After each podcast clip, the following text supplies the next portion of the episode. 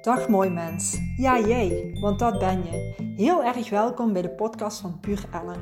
Ik ben Ellen en neem je graag mee in mijn mens zijn en de ervaringen om meer te leven vanuit je hart. Laat me je inspireren vanuit mijn psychotherapeutische kennis, lichaamswerk, rouw en verlies, energetisch werk en vooral spiritualiteit. Het is mijn doel om jou een andere kijk te geven op het leven. Leven vanuit positiviteit, want dat brengt vrijheid. Ik heb er veel zin in, dus laten we beginnen.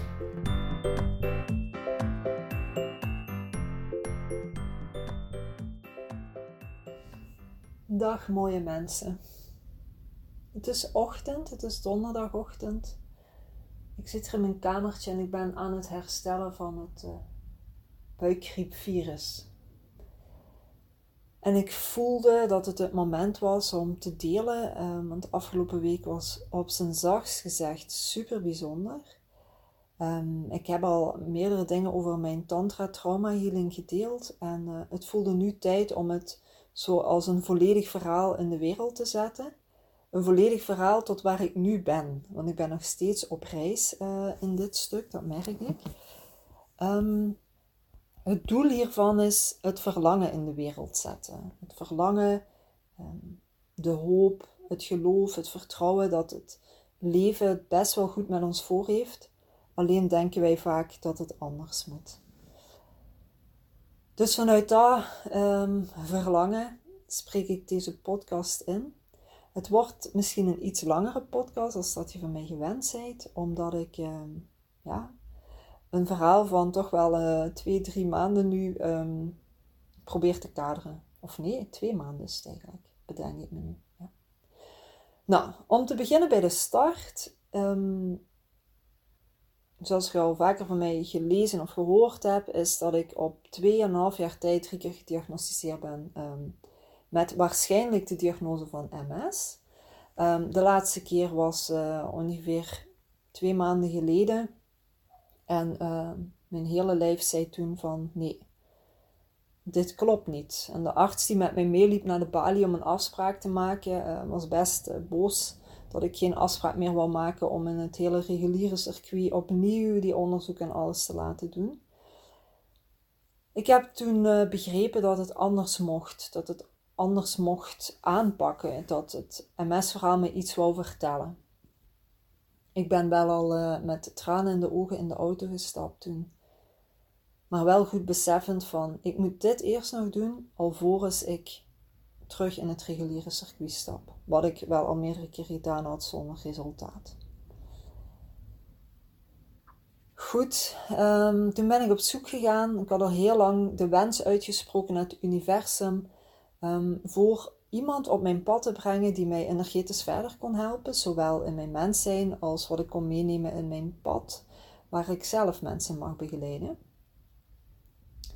En ik weet nog um, op een of andere manier, ik weet niet meer precies hoe ik bij hem ben gekomen, maar Gert kwam bij mij uh, in beeld.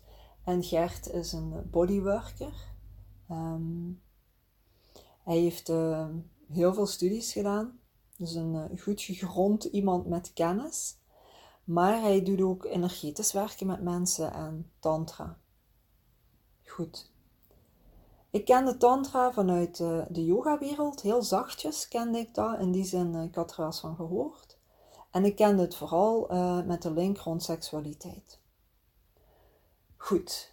Um, zoals ik al ergens geschreven heb um, in mijn postjes, ik herhaal het gewoon kort even, werd ik getriggerd en heb ik uh, met Gert contact opgenomen. En heeft hij me eigenlijk door een uh, appje achter te laten, um, hoorde ik zijn stem en hoorde ik ook de verbinding en de intentie van wat hij mensen wil brengen. Dus ik maakte een afspraak. De dagen aan vooraf waren kei, kei spannend. Um, ja, ik werd van links naar rechts geslagen, merkte ik in mijn energie. Mijn hoofd zei, ja, we gaan wel, we gaan niet. Um, vervolgens zag ik een foto op Instagram bij hem uh, passeren van een vrouw die op de mat lag met een uh, sarong over haar. En toen zag mijn hoofd dat zij naakt lag. Toen dacht ik, ja, maar dat ga ik niet doen. Ik moet daar toch niet zijn dan. En toch zei mijn lijf, we moeten daar wel zijn, lieve Ellen. Goed, in de auto gesprongen, kei spannend. Daar aangekomen, ik herinner het me nog. Ehm, ik zag Gert, een lieve, krachtige man, kort bij zichzelf, die mij welkom heette en ik die telkens stappen achteruit zette. Onbewust, want eenmaal ik binnen was, gaf Gert mij dat al onmiddellijk terug en wist hij dat ik mij ooit ergens in mijn leven heel onveilig gevoeld heb. Zoals hij op zijn website schrijft, volgens mij, of in ieder geval, ik vind het overal terug: maskers vallen af. En dat is waar. Als je bij Gert komt, vallen alle maskers af en dat maakt het beangstigend en bevrijdend tegelijkertijd. Dat is een zinnetje wat ik al heel vaak benoemd heb in deze reis, maar dat is een zinnetje wat voor mij volledig klopt. Ik, uh, ik werd ontvangen vanuit zijn warme energie. Ik kreeg een kopje thee. Ik werd op mijn gemak gesteld. Dan gingen we naar boven, naar zijn praktijk. Ehm, het mooie vind ik ook dat dat in zijn huis is. Gevoeld van wees welkom in mijn huis. Um, hm. Kwamen boven, er staan een paar uitnodigende stoelen en een mat. En dat is zo bijzonder, die mat. Ik heb een paar jaar geleden mijn massagetafel weggedaan, omdat ik intuïtief doorkreeg dat ik mocht werken op een mat. En buiten mijn vriendin, die thuis de yoga massage doet, kende ik niemand die ook zo'n mat had waar dat hij op werkte. Maar Gert had er zo een. Die connectie maakte al dat ik me veilig voelde. Dan is het bijzonder, dan gaat hij voor je zitten met gesloten ogen en neemt zich gewoon helemaal de ruimte in om te voelen, om de energie te voelen, om te vertellen wat het lijf zegt. Eerste instantie werd ik er ongemakkelijk van. In tweede instantie voelde ik de uitnodiging om zelf te zakken en de energie te voelen. En dat heb ik toen gedaan. Uiteindelijk werd ik uitgenodigd om recht te gaan staan en daar gebeurde er voor mij al iets bijzonders. Ik kreeg een oprechte knuffel, die ik me nog heel goed herinner. En hij zei: Welkom, Elle. En daar gebeurden de eerste stapjes voor mij van je wordt gezien. Daarna mocht ik plaatsnemen op de mat. Maar ja, mijn hoofd ging alle kanten uit, want wat was de bedoeling? Er was, naar mijn gevoel op dat moment, geen kader. Gert zegt ook altijd, we doen het met de prana. Prana is levensenergie en we vertrouwen erop dat de levensenergie ons laat zien wat we te doen hebben. En wat veilig voelt voor hem en voor mij. Tuurlijk ben ik uh, zeer vertrouwd met het concept prana, maar niet binnen tantra. Wat nog bijzonder is, is dat ik mij een keer niet had ingelezen over tantra. Ik ben normaal iemand die alles wil weten. En in dit avontuur ben ik gewoon ingestapt met alles wat er was en niet was op dat moment. Ik weet dat ik uh, op de mat ging zitten, schuin tegenover hem, en mijn lijf zou bijna in de muur zijn gekropen. Ik koos ook voor in een hoekje te gaan zitten. Ik herinner me dat nog. En ik zat er in mijn yoga kleren. En Gert zat tegenover mij en het enige wat hij zei was: Voel maar. Voel maar wat jouw lijf nodig heeft. Voel maar wat je wil. En mijn lijf schreeuwde: mijn lijf schreeuwde van verlangen, van angst, van willen in verbinding gaan en niet durven. Maar mijn lijf zei ook: Ik kan niet ademen. Uw BH zit te strak. Tuurlijk, zei mijn hoofd, dat gaan we niet doen, want zijt hier bezig en dat kan toch niet en je bent in therapie en ik werd alle kanten uitgeslaan. Maar mijn lijf bleef roepen en Gert voelde dat, ben ik 100% zeker van ondertussen. En hij is heel respectvol daarmee omgegaan. Hij heeft mij drie keer de kans gegeven om mij mijn ding aan te passen wat voor mij goed zou voelen. En dat deed hij door telkens de ruimte te verlaten en mij ook gewoon met mezelf te laten klommelen en klooien. Op een gegeven moment, de tweede keer, weet ik dat hij vroeg: Alice, spreek het uit. Wat, wat, wat heb je te doen? Kunt je het zeggen? Maar Elle kreeg het niet gezegd. Opnieuw de spiegel, blokkade op mijn keel kreeg het niet gezegd voor mezelf, kreeg er niet doorheen geademd. Wat ik nogthans iedere dag met mensen doe. Maar goed. Uiteindelijk heb ik in die sessie um, ervoor gekozen om die BH uit te gooien. En als ik me goed herinner, achteraf ook gewoon mijn topje. Ik weet het niet meer zeker. En ik wil even de nuance zetten voor de mensen die nu aan het luisteren zijn. Ehm, dit heeft totaal niks voor mij met de aardse seksualiteit te maken.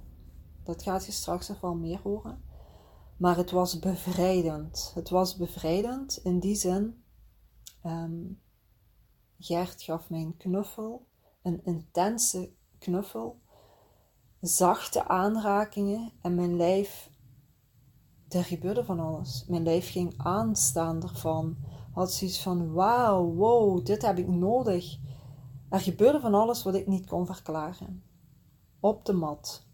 Als je mij vraagt hoe beschrijf je dat op de mat, dat heb ik al tegen een aantal mensen proberen uit te leggen als ik noem het een energetische dans.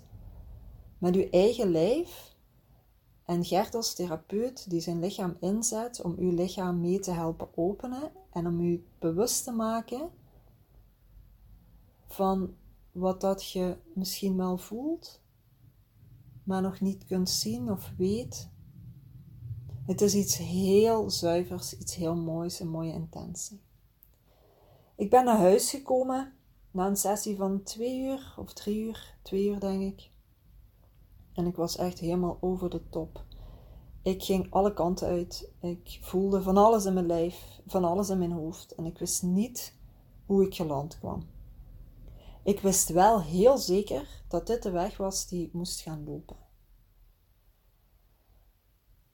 Ik ben vervolgens, um, dat was donderdags denk ik, heb ik met hem gestuurd en heb ik ervoor gekozen om maandags een hele dag te gaan. Zou ik dat nog eens opnieuw doen in die fase van mijn zijn, een hele dag? Nee. Waarom niet? Het was super intens. Zou ik het nu in deze fase nog opnieuw doen, een hele dag? Voluit ja. Maar goed, Elle is een diepte-ervaringsmens, dus uh, vooral geen rem opzetten, hè? gewoon gaan. Smaandags, en het heel weekend uitgekeken. Smaandags daar beland. Hebben we heel de dag op de mat gezeten? Nee. We hebben een paar sessies, als ik me goed herinner, drie sessies of zo op de mat gedaan. Ik herinner mij ook dat ik ben gaan wandelen. Ehm, maar daar kwam het proces dus meer en meer op gang.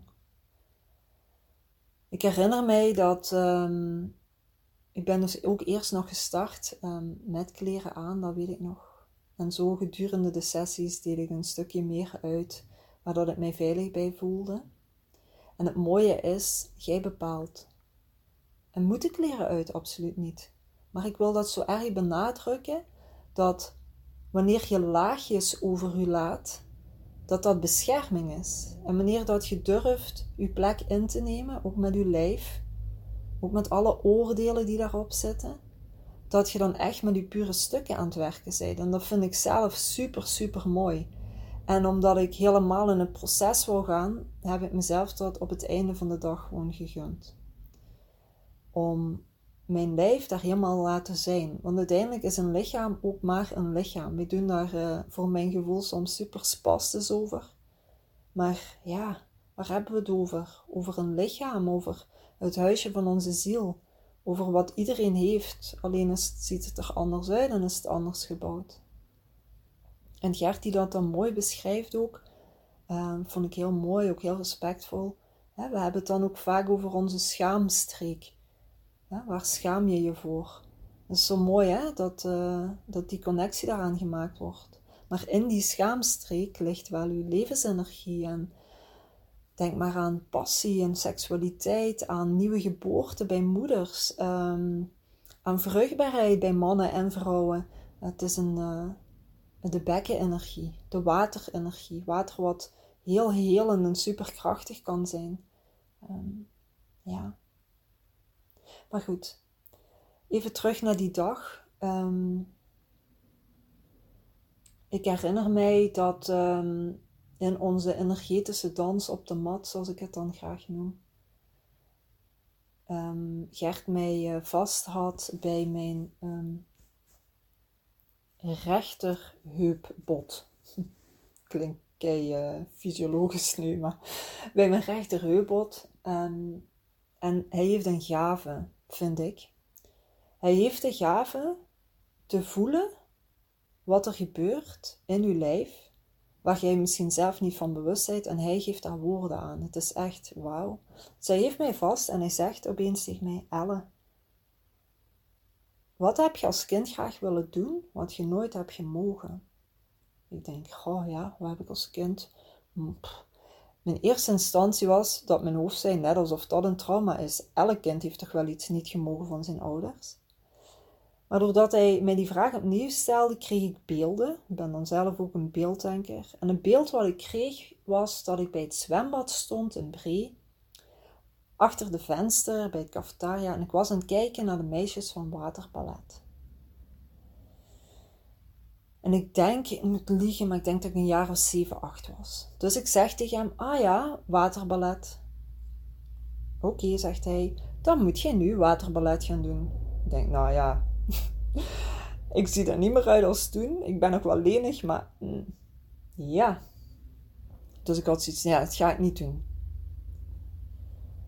Totdat Gert tegen mij zei, maar er zit precies nog wel wat op. En toen kwamen er tranen. Er zat inderdaad wat op. Ik heb als kind ehm, de ervaring meegekregen hoe het is om bijna te verdrinken of verdronken te worden. Heel heftig verhaal. Heel verdrietig verhaal. En dat zat erop en dan kwam omhoog. En toen vroeg Gert aan mij, Elle, wanneer had je de wens om waterballet te doen? Was er dat ervoor of erna? En dat was ervoor. Nee, excuseer, dat was erna. Na mijn ervaring van verdrinking had ik het idee, of gaf mijn lijf aan, we willen water en waterballet. Je hoort al, ik ben aan het uh, nadenken over mijn woorden, want het, uh, het komt nog steeds binnen. Het uh, zet alles open. Maar het mooie is dat daar mijn helingspad begonnen is, want mijn klachten die ik had zaten ook in mijn bekken. En dat heeft hij gevoeld. Het bijzondere is dat ik uh, heel erg van water hou. Dat ik ook gewoon al jaren gewoon het zwembad induik. Um, ik ga ook kopje onder, ondanks mijn verdrinkingsverhaal. Maar zodra me iemand aanraakt, komt de leeuw in mij wakker. Geloof me, dat wilt je niet meemaken. Nick heeft dat een keer mee mogen maken toen wij pas uh, verrijden. Ik herinner het mij nog goed. En die had toen zoiets, what the fuck is dit, Elle? Wat gebeurt er? ja, dan moet je zo'n kwetsbaar verhaal vertellen, want anders gaat de liefde van je leven misschien uh, denken van waar ben ik hiermee samen. Maar ja.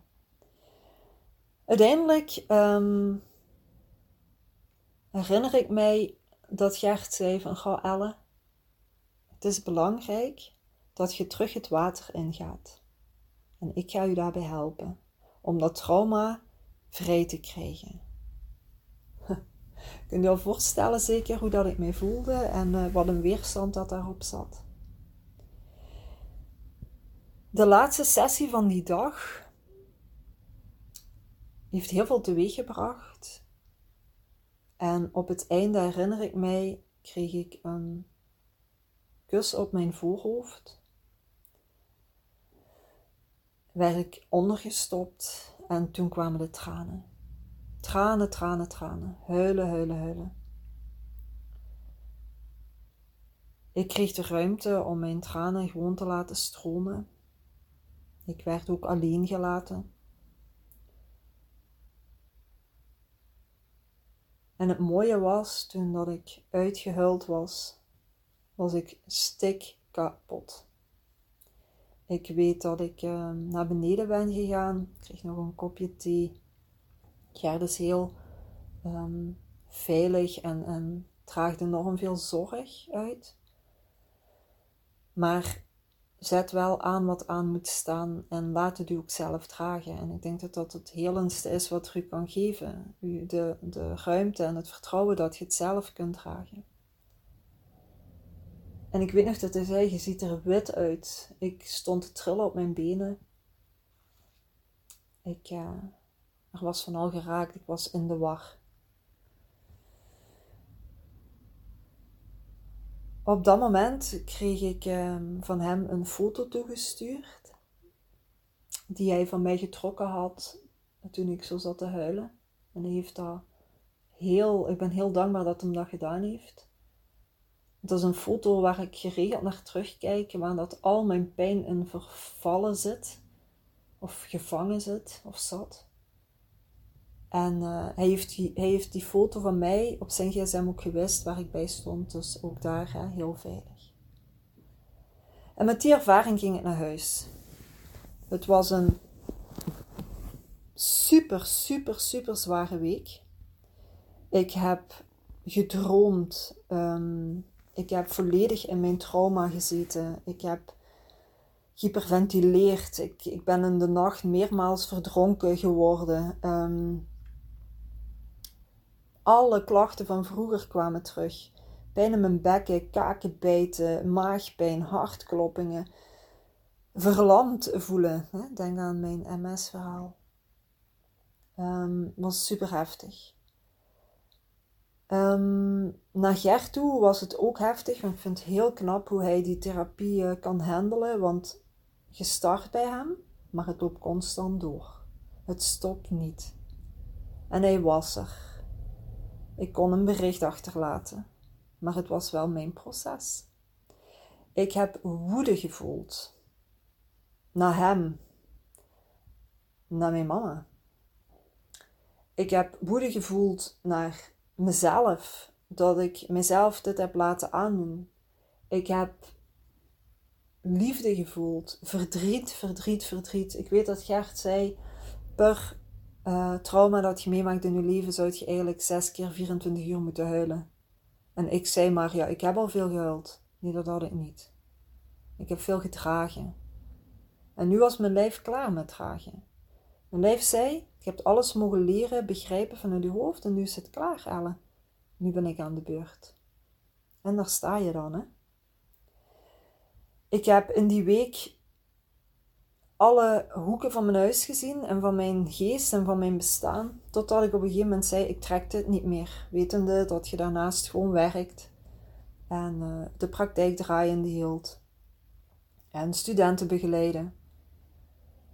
En ondanks uh, Gert meestal niet in de avond werkt, mocht ik toch even langs gaan. Daar ben ik ook heel dankbaar om. En zei hij, ik zal het wat dempen, maar weet wat zich heeft aangediend.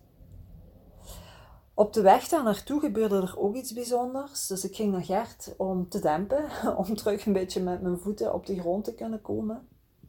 En toen werd ik in de auto naar mijn ellebogen getrokken. Op mijn ellebogen op beide heb ik littekens staan van een ander verhaal. Wat nog, waar ik nog jonger was dan in mijn verdrinkingsverhaal. En ik zei: Nee, mannetjes, aan dit verhaal ga ik vandaag echt niet aan. Ik wil het dempen. Aangekomen bij Gert mocht ik eh, opnieuw naar boven. En het is zo mooi als Gert zegt: Kom maar, ondanks dat het niet is op een tijdstip waar dat hij normaal op werkt, dat hij er gewoon wel volledig ook is. Um, ik heb me iedere keer enorm welkom gevoeld. Um, maar goed, het bijzondere is dat hij volgens mij in de stoelen al zei: Mijn aandacht wordt getrokken naar uw ellebogen. Geloof mij, ik had niks verteld. Bewust niet natuurlijk, want ik had daar geen zin in. Ik heb tegen hem gezegd: Ik weet het, maar ik wil daar vandaag niet aan. En daar was ook respect voor. Ik heb mijn verhaal erover kunnen vertellen, maar we zijn daar verder niet aan, aan gaan raken tijdens de energetische uh, dans op de mat. Um, ik herinner mij dat die sessie mij enorm deugd heeft gedaan, omdat de energie weer terug wat in balans kwam. En hij had me ook gezegd, Elle, de komende dagen um, wordt het terug rustiger. En dat werd het ook. Het werd weer hanteerbaar. Maar toch gebeurde er ook gigantisch veel in verwerking. Heel veel thema's kwamen omhoog. Um, ook thema van kinderen. Geen kinderen kunnen krijgen. De spiritwereld die zegt, Elle, je hebt een andere taak te doen dan aardsmoeder te zijn. Uh, de pijn die daarmee voorbij kwam. Connectie met Nick. Connectie met mijn ouders. Ja, heel bijzonder. Goed. We stuurden af en toe wat op en af. Um, of laat zeggen, ik stuurde heel veel. um, en dan vind ik het zo magisch hoe dat het universum al alles voor ons in petto heeft. Op een gegeven moment komt er een vriendin van mij terug voorbij. En blijkt dus dat zij etterlijke maanden voor mij ook al Gert is geweest. En het mooie was dat wij in essentie ergens dezelfde ervaring hadden, dezelfde connectie hadden, maar ook dezelfde um, vragen en, en onrust en wat is dit? Dus het was mooi om dat met mijn vriendin te kunnen delen. Hoe het proces voor haar was, hoe het proces voor mij was en wat we daar dan nog in dachten nodig te hebben. Ik maakte altijd nieuwe afspraken bij Gert. Liefst de ene na de andere, zodat ik maar zeker iets had vaststaan. Om het bracht heel veel passie omhoog. Het bracht passie voor mezelf. Hè? Uh, verlangen. Um, mijn levensenergie bracht het terug omhoog.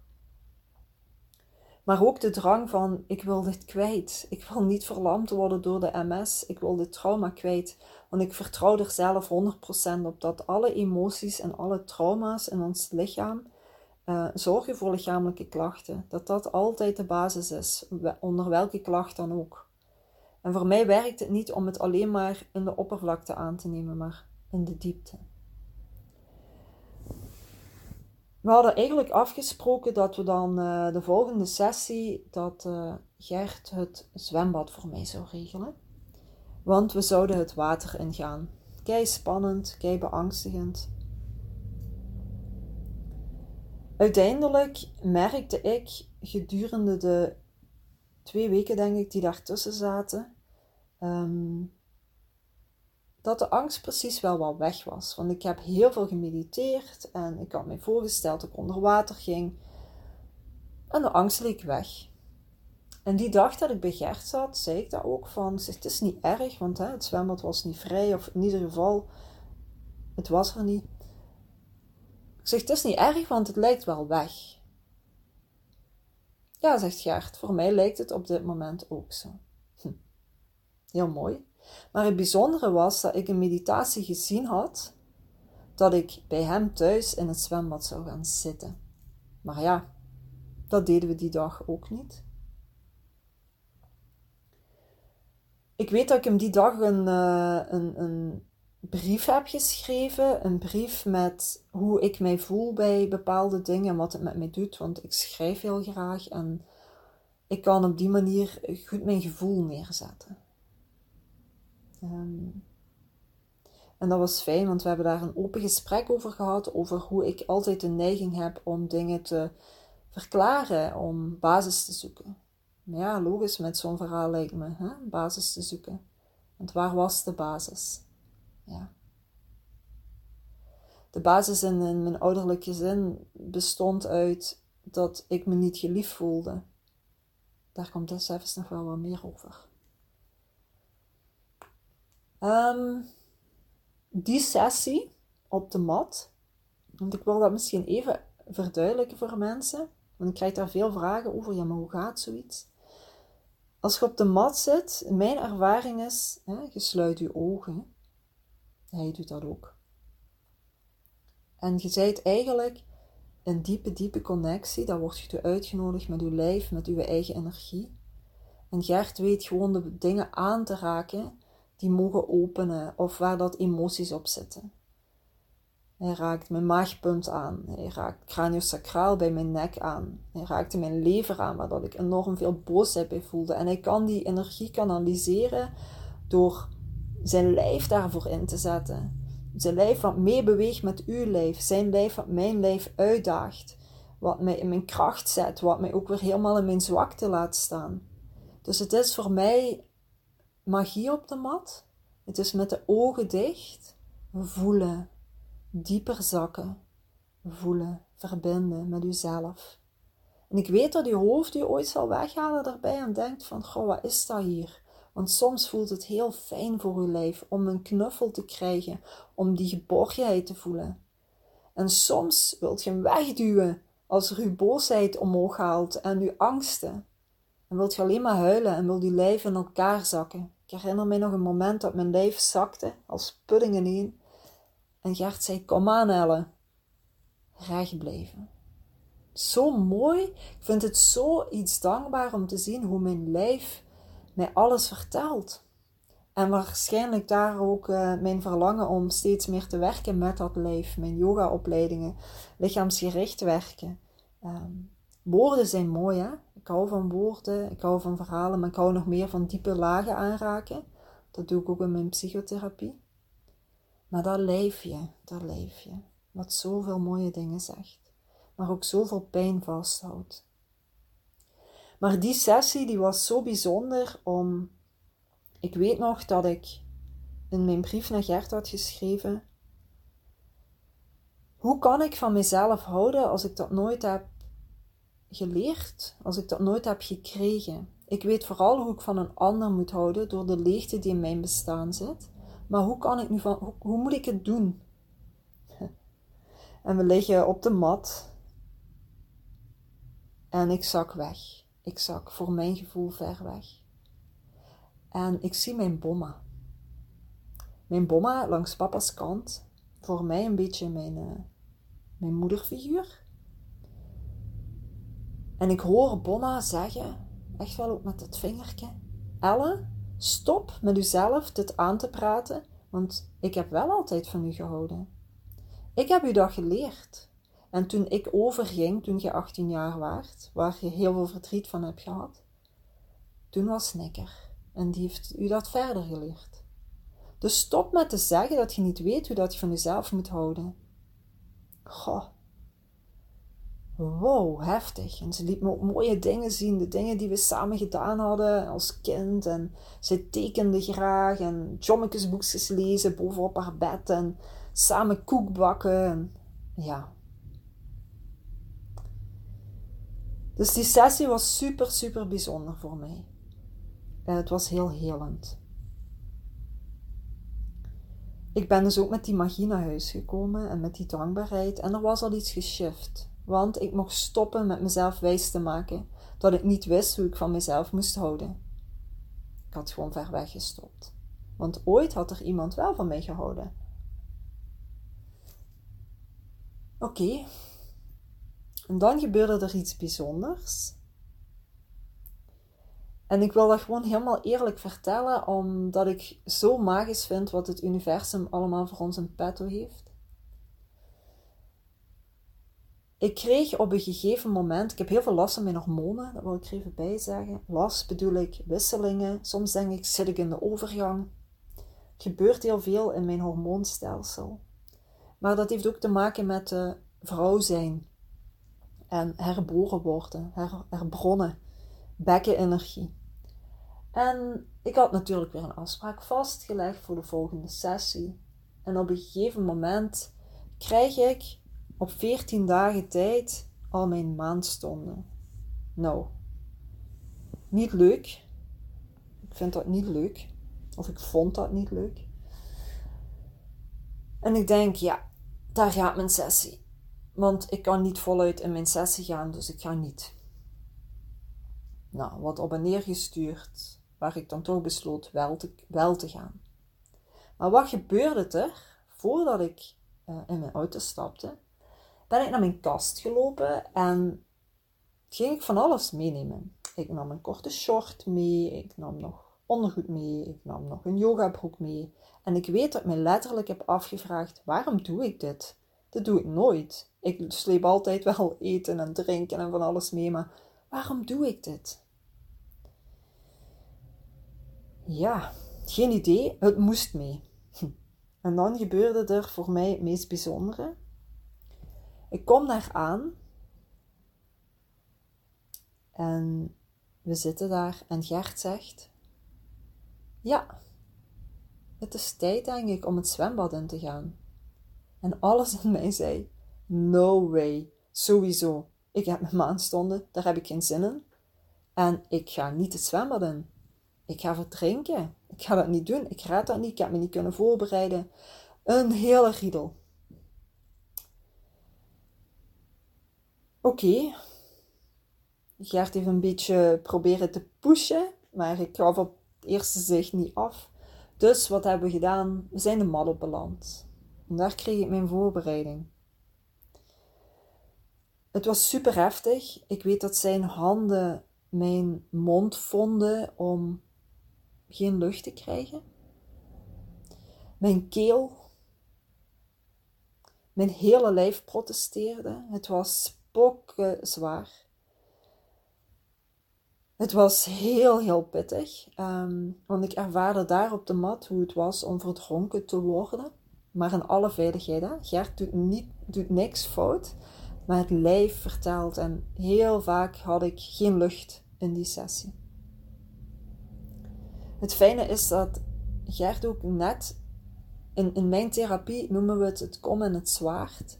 De kom is zo de veilige kom, de moederenergie, de drager, het liefdesverhaal, hè, liefde voor de ander, uh, zorgend. En het zwaard. En het zwaard betekent, als je vanuit de kom, mag je ook het zwaard opnemen om iemand door therapie in te trekken. En dat is zo mooi. Gert durft en kan vanuit die veilige kom dat zwaard oppakken om u gewoon vanuit alle liefde die hij voelt voor, voor uw proces, u daar door te duwen wat u zelf niet lukt. Dus daar ben ik hem enorm dankbaar voor. Hij is letterlijk intuïtief, maar ook lichamelijk sterk genoeg om, om mij bij die les te houden, om mij te brengen waar ik moet zijn, waar mijn lijf het zegt.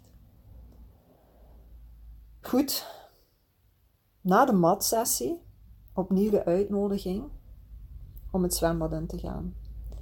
En waar denk je, welk zwembad? Het zwembad wat ik had gezien bij zijn thuis. Ademen, Elle.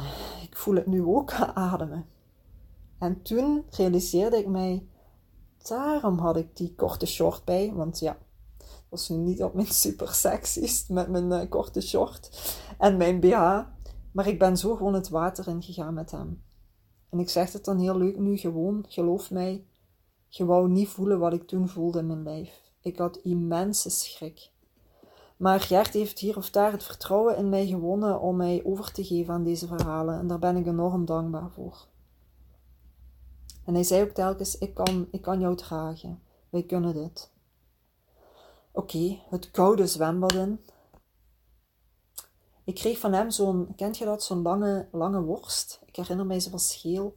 Zo'n hard, hard ding waar dat je op kunt drijven, zo. Hè, waar dat je je lijf helemaal in kunt leggen.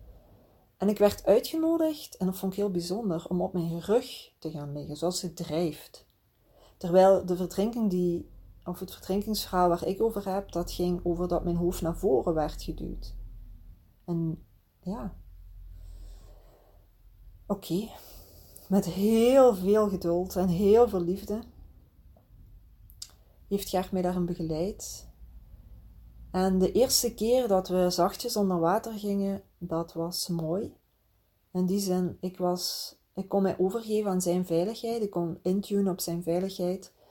En ik kon het hebben dat het water aan mijn oren stond en zo zachtjes naar mijn wangen en mijn kaken, mijn ogen bedekte, mijn mond bedekte.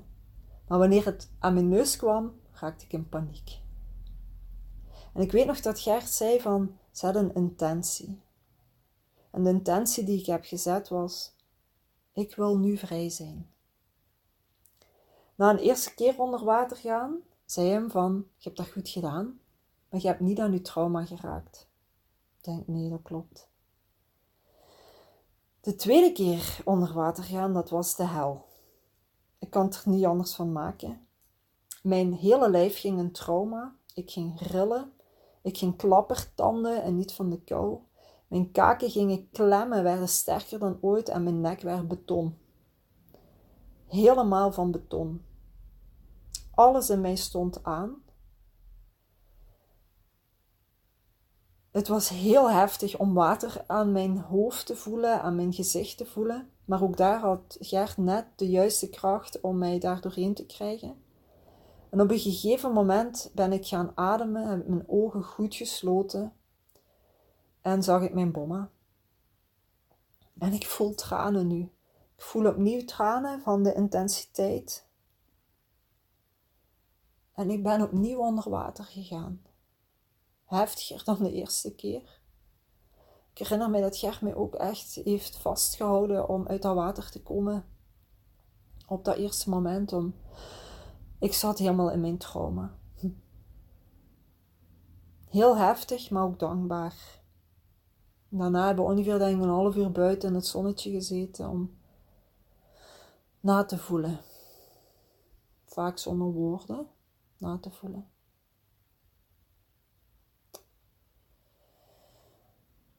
De dagen nadien, oh nee, ik weet nog dat Gert zei, want het verdrinkingsverhaal is een combinatie met mijn mama, zonder haar zwart te willen maken, absoluut niet. Er komt nog een mooi verhaal achteraan.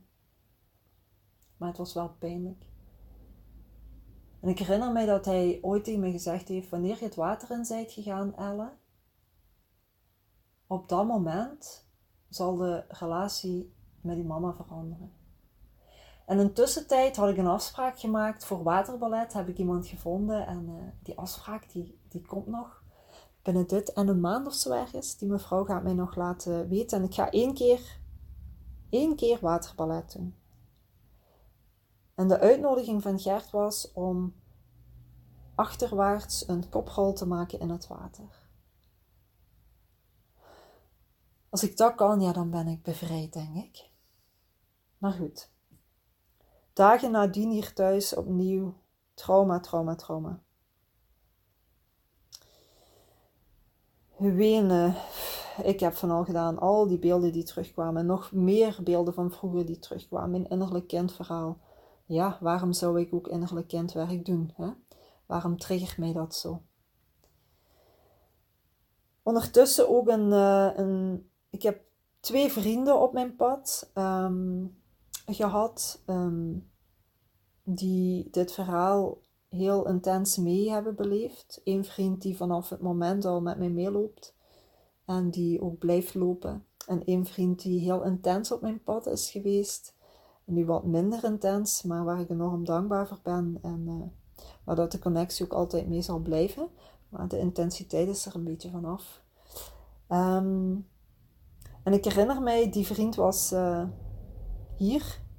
En dat was afgelopen maandag. Um, ik zou normaal gezien uh, naar Gert zijn geweest, maar om een of andere reden ging dat niet voor hem. Maar die vriend was er. En die was al een paar keer voor mij aanwezig geweest. En die zei hij wist dat het een connectie ging met mijn uh, mama en hij zei: Waarom gaat je niet? Waarom gaat je niet naar je mama? Ik zeg: Nee, het heeft toch geen zin. Dus ik heb dat verhaal al vijftig keer verteld. Het heeft geen zin dat ik ga. Goed, hij was weg. En opeens voelde ik zo de drang om. Ik was er klaar mee. Ik voelde mij enorm versnipperd. Um, heel de dagen, of heel dat tantrapad zat ik ergens, overal en nergens. Uh, ik kon niet helemaal in mijn kracht zijn in mijn zaak. Um, ik was ziek geworden, ik had die buikgriep gehad. Of gehad, hè? maagpijn. Uh, ik ben daar nu van aan het herstellen. Het werkte niet. En dat was ook de reden dat ik ook, dat is dan zo bijzonder. Ik zou maandag een afspraak hebben gehad bij Gert, maar ook ik voelde mij niet goed. Dus het universum gaf heel duidelijk aan dat we die dag niet samen mochten zijn om verder te werken aan dat pad. Wat heb ik toen gedaan? Toen dat die uh, zielsvriend, kan ik wel zeggen, naar huis ging. Ik voelde power in mij opkomen, ook boosheid. En ik had het gehad met zo versnipperd rond te lopen. En ik voelde drang om naar mijn mama te gaan om voor één vraag. Waarom was het niet genoeg om van te houden? En ik ben gegaan. En het bijzondere was, toen ik vertrok, onweerde het. Het onweerde heel hard. ik ben in mijn auto gestapt. Ik ben met een berg stress in mijn lijf naar daar gereden. En normaal gezien, de laatste jaren ging ik naar huis als mijn papa er was. Maar ik had niemand verwittigd. Mijn papa niet, mijn broer niet. Ik ging voor haar. Ik kwam binnen en ze was alleen. En ik herinner mij dat ze zei van, goh Elle, papa is er niet. Ik zeg, ik kom voor u. En ze was verbaasd. En ik herinner mij dat ze kort erbij wou komen en dat ik ook zei van, niet doen. Ik zeg, het waren letterlijk mijn woorden, ik kan niet verder met mijn leven. Ik heb drie keer de diagnose MS gehad, wat ik niet had gedeeld met haar. Ik kan niet verder in mijn leven. Ik heb een antwoord van u nodig. Waarom was ik niet goed genoeg om van te houden? Waarom kon je van mij niet houden zoals je van mijn broer hield, die zoveel jonger was als mij? En daar begon een verbindend gesprek, want ik vertelde het met heel veel respect en liefde. Ik hoop dat jullie dat vooral kunnen voelen en dat, het, dat verhalen er soms helemaal anders uitzien dan dat je jaren gedacht hebt. En de eerste keer in mijn leven zei mijn mama: Ik weet het. Ik weet dat ik u heel veel dingen heb aangedaan die niet oké zijn, Elle. Amai. Ik wist niet wat gebeurde. Ik huilde like een klein kind. Ik kreeg erkenning. Ik werd, het werd, werd gezien. Het werd niet van tafel geveegd. Het werd niet ontkend. Het werd ontvangen. Heel veel verdriet, maar zij maakte er ruimte voor. Ze maakte ruimte om alles wat ik te zeggen had, te zeggen, te ontvangen, te verteren. Ik ben uiteindelijk met haar naar de slaapkamer gegaan. En ik heb twee uur lang gepraat met haar en geluisterd. En daar hoorde ik een verhaal waar ik nog nooit van had gehoord. En wat alles wat er ooit tussen ons gebeurd is in perspectief zet. Wat ik altijd te horen heb gekregen toen ik geboren was, was dat ik geboren was met een navelstreng rond mij. En dat, ze, uh, dat papa met de artsen naar een andere kamer is gegaan.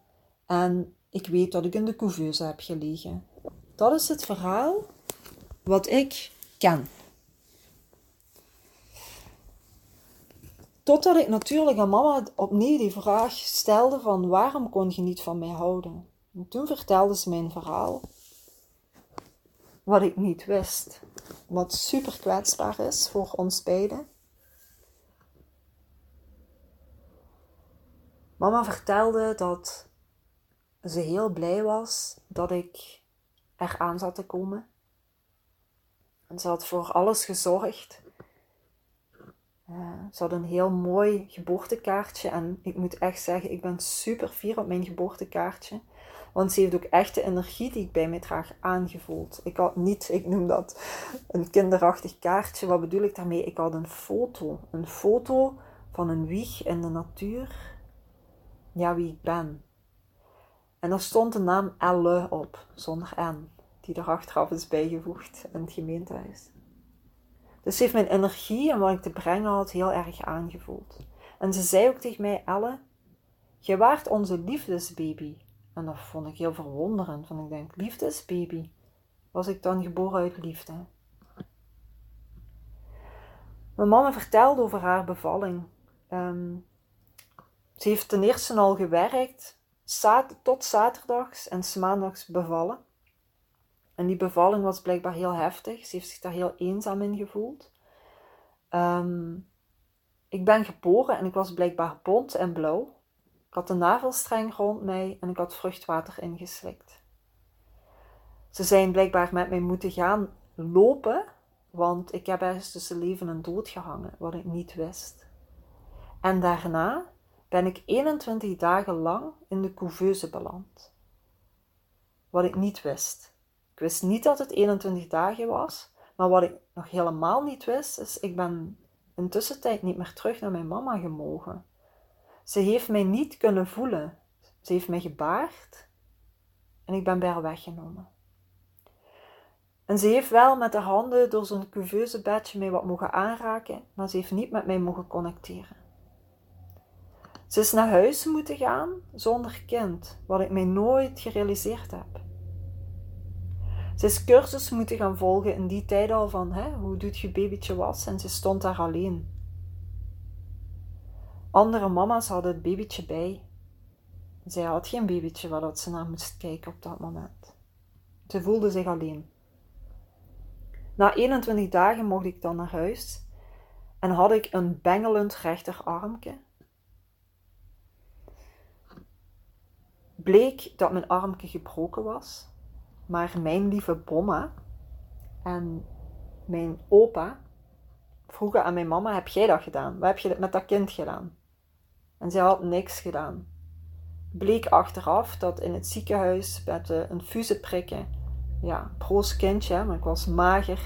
2 kilo 77, mager en lang, lijkt ze zeiden.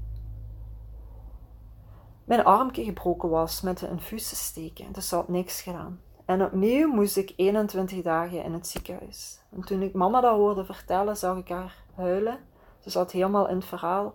En ze zag me liggen in een groot bed eigenlijk, in zo'n stalen ziekenhuisbed, waar dat zo'n klein mager dingetje in lag en wat ze weer moest achterlaten. En in dit verhaal heeft ze heel vaak gezegd: die baby, die baby. En die baby, dat was ik. En die woorden maakten al dat ze mij daar ter plekke ook laat zien van, of liet zien van Ella, ik had geen connectie. Na die 21 dagen ziekenhuis opnieuw moest mama terug gaan werken. Dit is een verhaal wat ik 38 jaar lang bij mij draag, wat ik niet wist, wat mij nooit verteld is geweest. Dankzij mijn tantra-pad, dankzij wat mijn lijf mij heeft laten zien, heb ik dit verhaal van mijn mama mogen horen. Dan komt er nog een laag bovenop. Ik loop al heel lang rond dat het opstellingswerk mij roept, familieopstellingen, maar ik kon mij nooit inschrijven. Deze week heb ik het gedaan.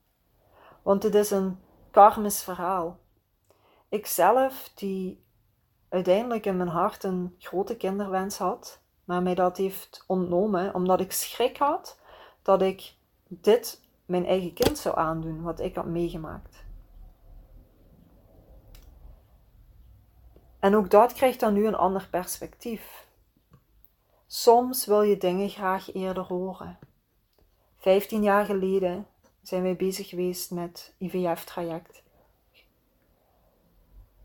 En ik heb het mij toen niet kunnen gunnen om mama te worden. Omdat ik schrik had dat ik het niet zou kunnen en dat ik die pijn die ik als kind gevoeld heb niet meer kon en wou doorgeven. En dan zijt je vandaag 38. 38. En kunt je voluit zeggen dat ik een topmama geweest zou zijn. Zoveel liefde draag in mij maar het verhaal kinderen stopt.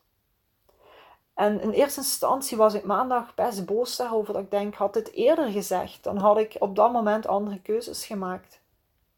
Want ik heb de IVF gewoon niet kunnen volmaken, vol, om, omdat ik het niet durfde. Omdat ik niet durfde mama te zijn. En dat was het familieverhaal. Want ik moet u vertellen dat mijn mama een, ook een hele heftige rugzak draagt met dezelfde lading en dezelfde pijn. Dus dat is heftig. Dat is heftig om te ontdekken. En ook dat ligt nu opnieuw op mijn pad. Nu ik weet hoe het eruit ziet.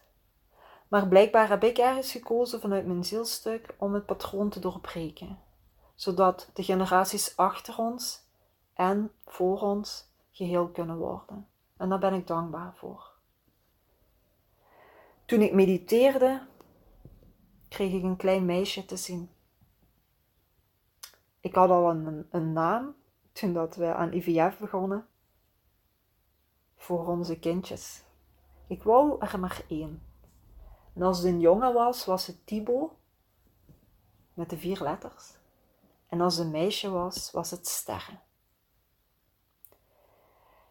En in mijn meditaties, waar ik heel veel doorkrijg, waar ik heel veel heling in vind, zie ik een meisje van een jaar of vier, wat tegen mij zegt: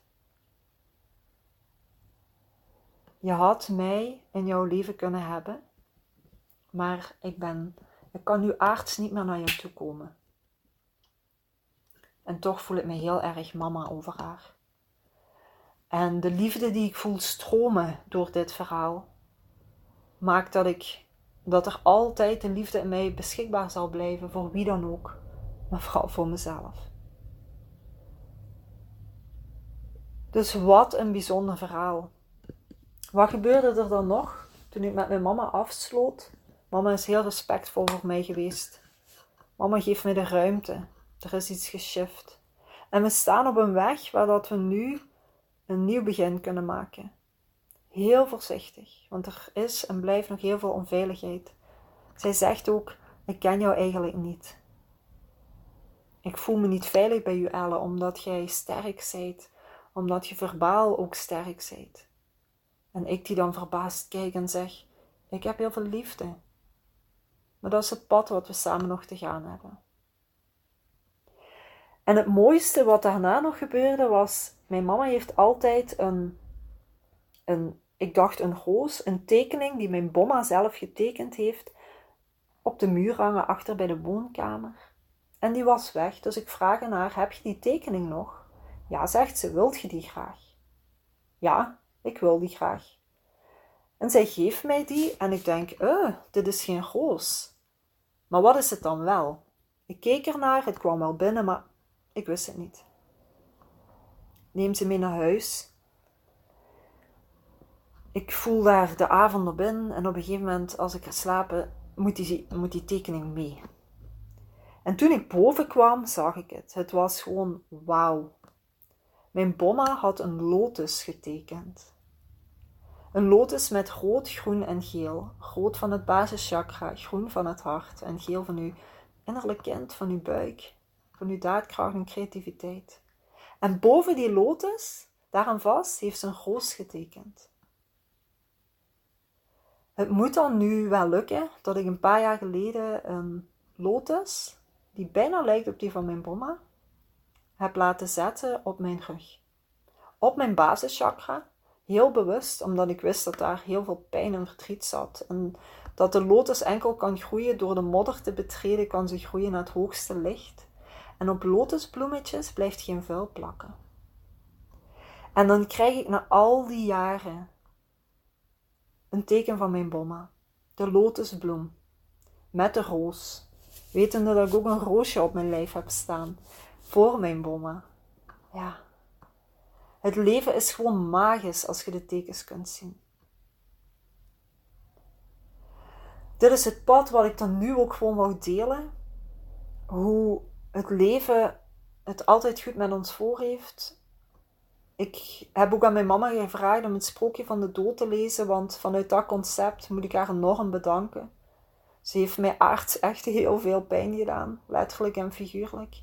Maar vanuit het sprookje van de dood is zij waarschijnlijk de persoon die deze zware taak op zich heeft genomen om mij te brengen waar ik moet zijn in het leven.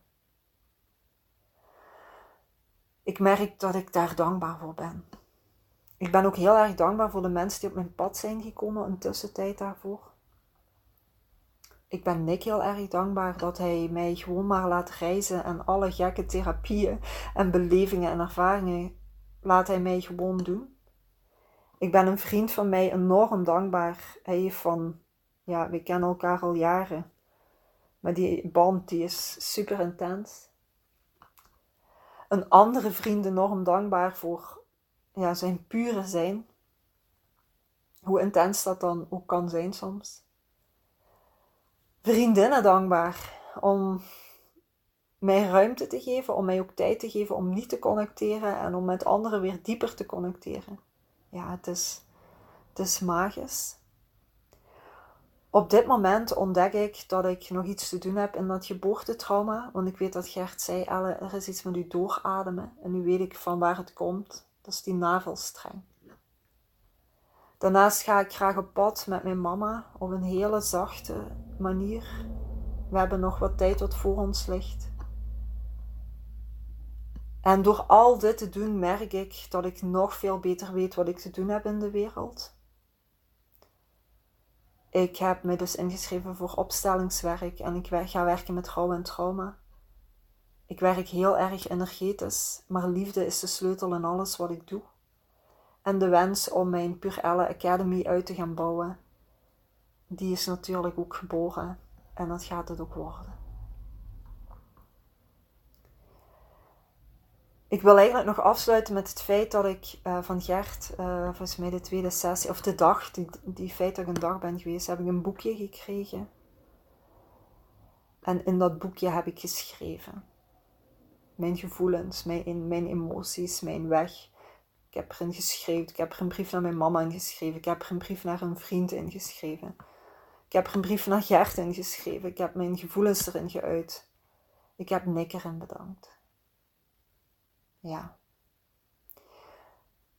Wat ik nog heel kort wil meegeven, als je nu geroepen wordt door dit pad, door Tantra, door mij, door mijn therapeut, ehm, mijn leraar, zo zie ik hem meer, mijn leraar uh, op gelijk niveau, dan nodig ik u uit om connectie te maken, om contact te maken, om uw vragen te stellen om te vertrouwen op heling, om te vertrouwen op de nieuwe wereld waar we ingaan. En ik kan u vertellen over Tantra. Ga het beleven. Als het ooit op uw pad komt, haal de kracht ervan af dat het gaat over, over seksualiteit met een ander. Eigenlijk gaat het in de basis wel over seksualiteit, maar gaat het over levensenergie. Tantra gaat over wat ik er dan voor mij uithaal om in een verlangen te zitten. Als je kijkt puur naar een orgasme, dan is het verlangen kort.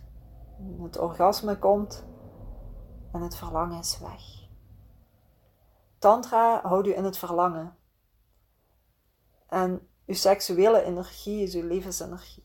Ik heb er uh, ondertussen wel een boek over gelezen en ik denk dat ik zelf ook tantra geef.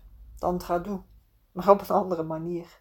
Ik doe dat vanuit mijn manier, vanuit mijn handen, vanuit mijn hart. Ik doe dat niet like Gert dat doet, op zijn manier. Op een energetische dans op de mat. Maar ik wil eigenlijk gewoon afsluiten met: ik podcast graag nog verder over dit verhaal. Later, wanneer het weer meer body heeft gekregen. Ik hoop dat het u heeft mogen inspireren. Het zou fijn zijn mocht het u inspireren dat je dit deelt ehm, via Insta. Of dat je voor mij iets achterlaat, dat ik het kan delen. Voel u vrij wat het met u gedaan heeft. Ehm, ja, ik nodig je uit. Ik nodig je uit tot uh, voluit te gaan leven, tot diepe heling.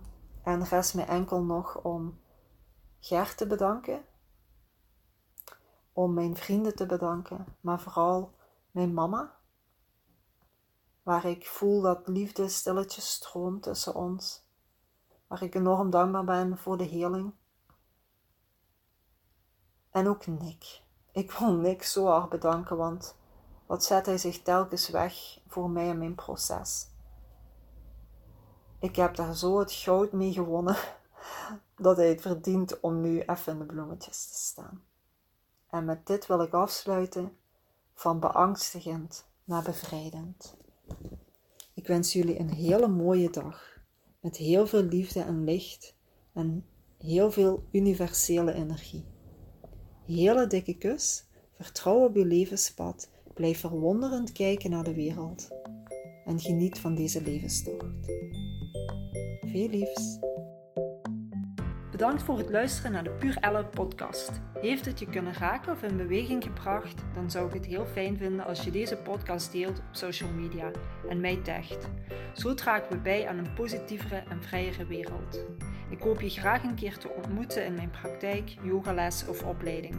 Ik wens je een prachtige dag toe vol wondertjes. Veel liefs.